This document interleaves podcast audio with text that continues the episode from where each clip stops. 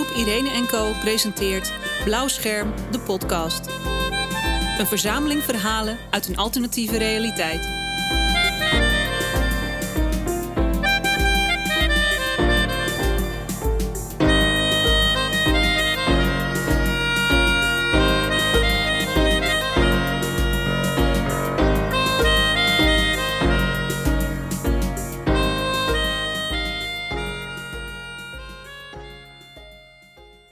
Ik woonde vroeger in een prachtige villa. Alles erop en eraan. Je kan het zo gek niet verzinnen. Zwembad, jacuzzi, sauna, prachtige tuin. Helemaal afgeschermd en beveiligd voor de buitenwereld. Allerlei apparaten om ons leven nog aangenamer te maken.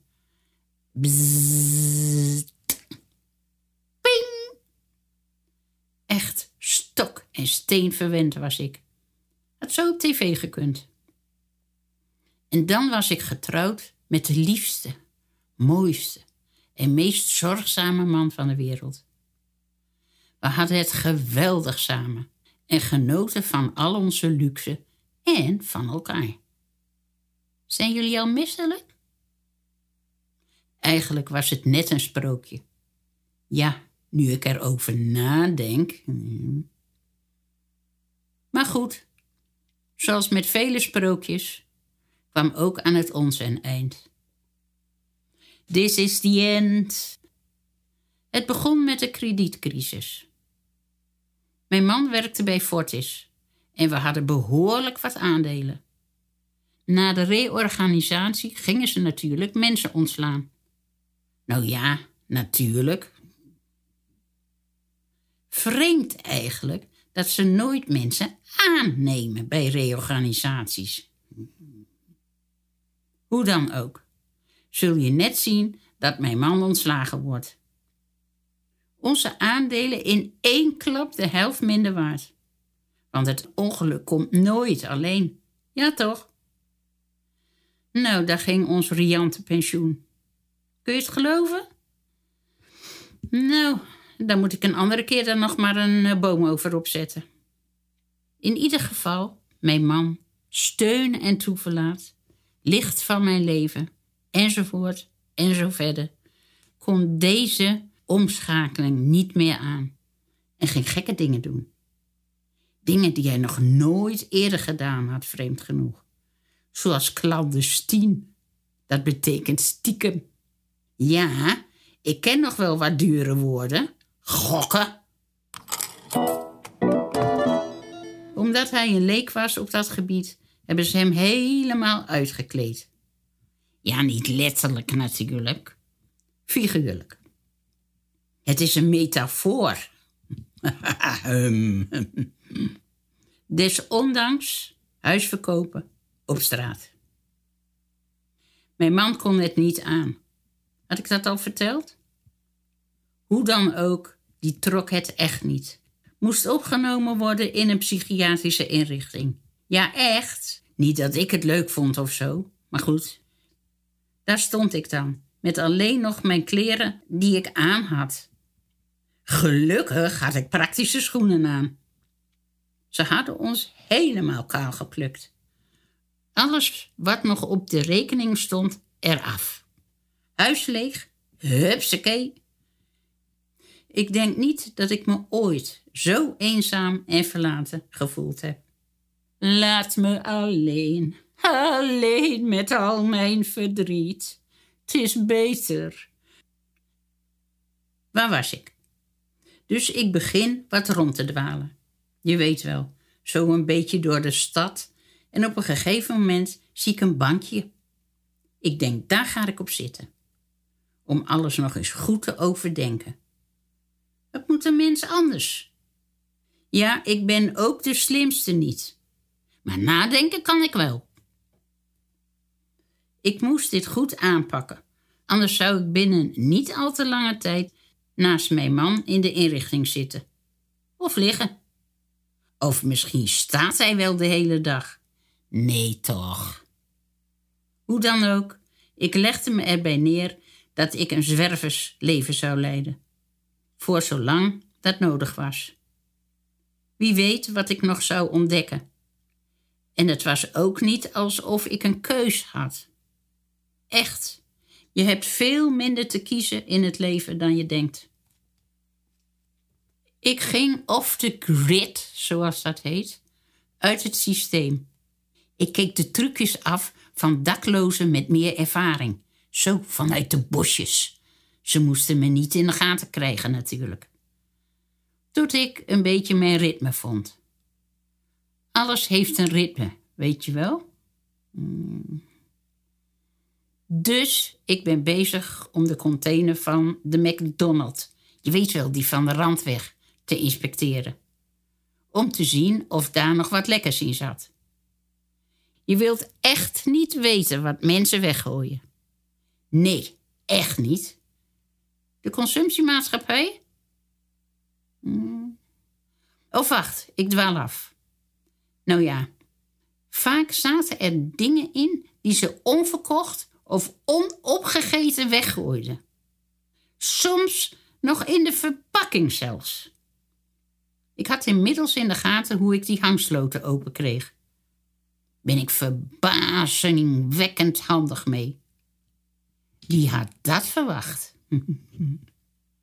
maar toen viel mijn oog op iets. Een soort arendsoog ben ik af en toe. Alleen jammer dat. Uh, hm. Nou ja, het leek wel een ondergronds metrostation.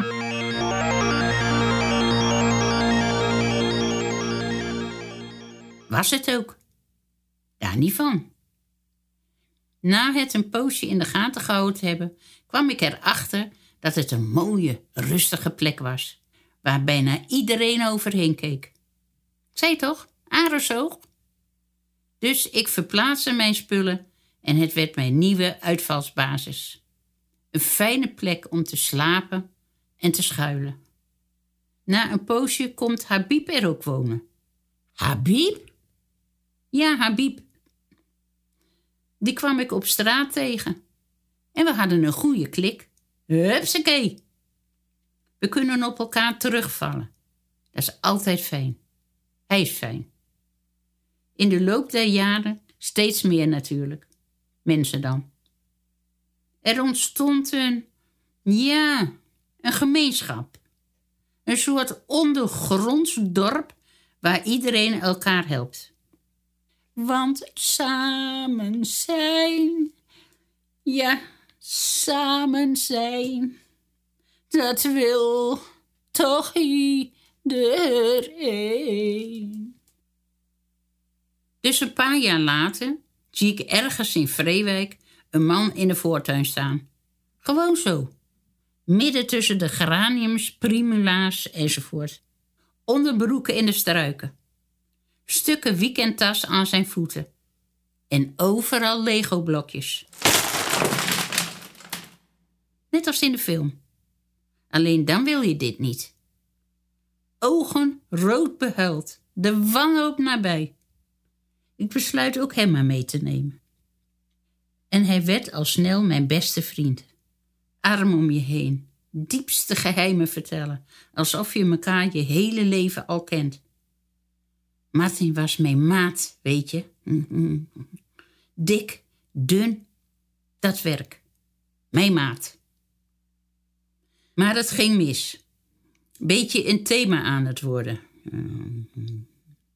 Had ik kunnen zien aankomen ook. Maar goed, beter ten halve. Goed, het duurde niet lang of hij beschuldigde me ervan dat ik de boel niet serieus nam. Nou ja, het komt misschien niet altijd zo over, maar. Eh, dus hij zegt dat onze groep grootse dingen kon doen voor de mensen. Mooi, denk ik. Maar ik moest niet in de weg staan. Pardon? En ik maak blijkbaar overal een grapje van. Nou, zo leuk ben ik nou ook weer niet. Nou, mooie maat.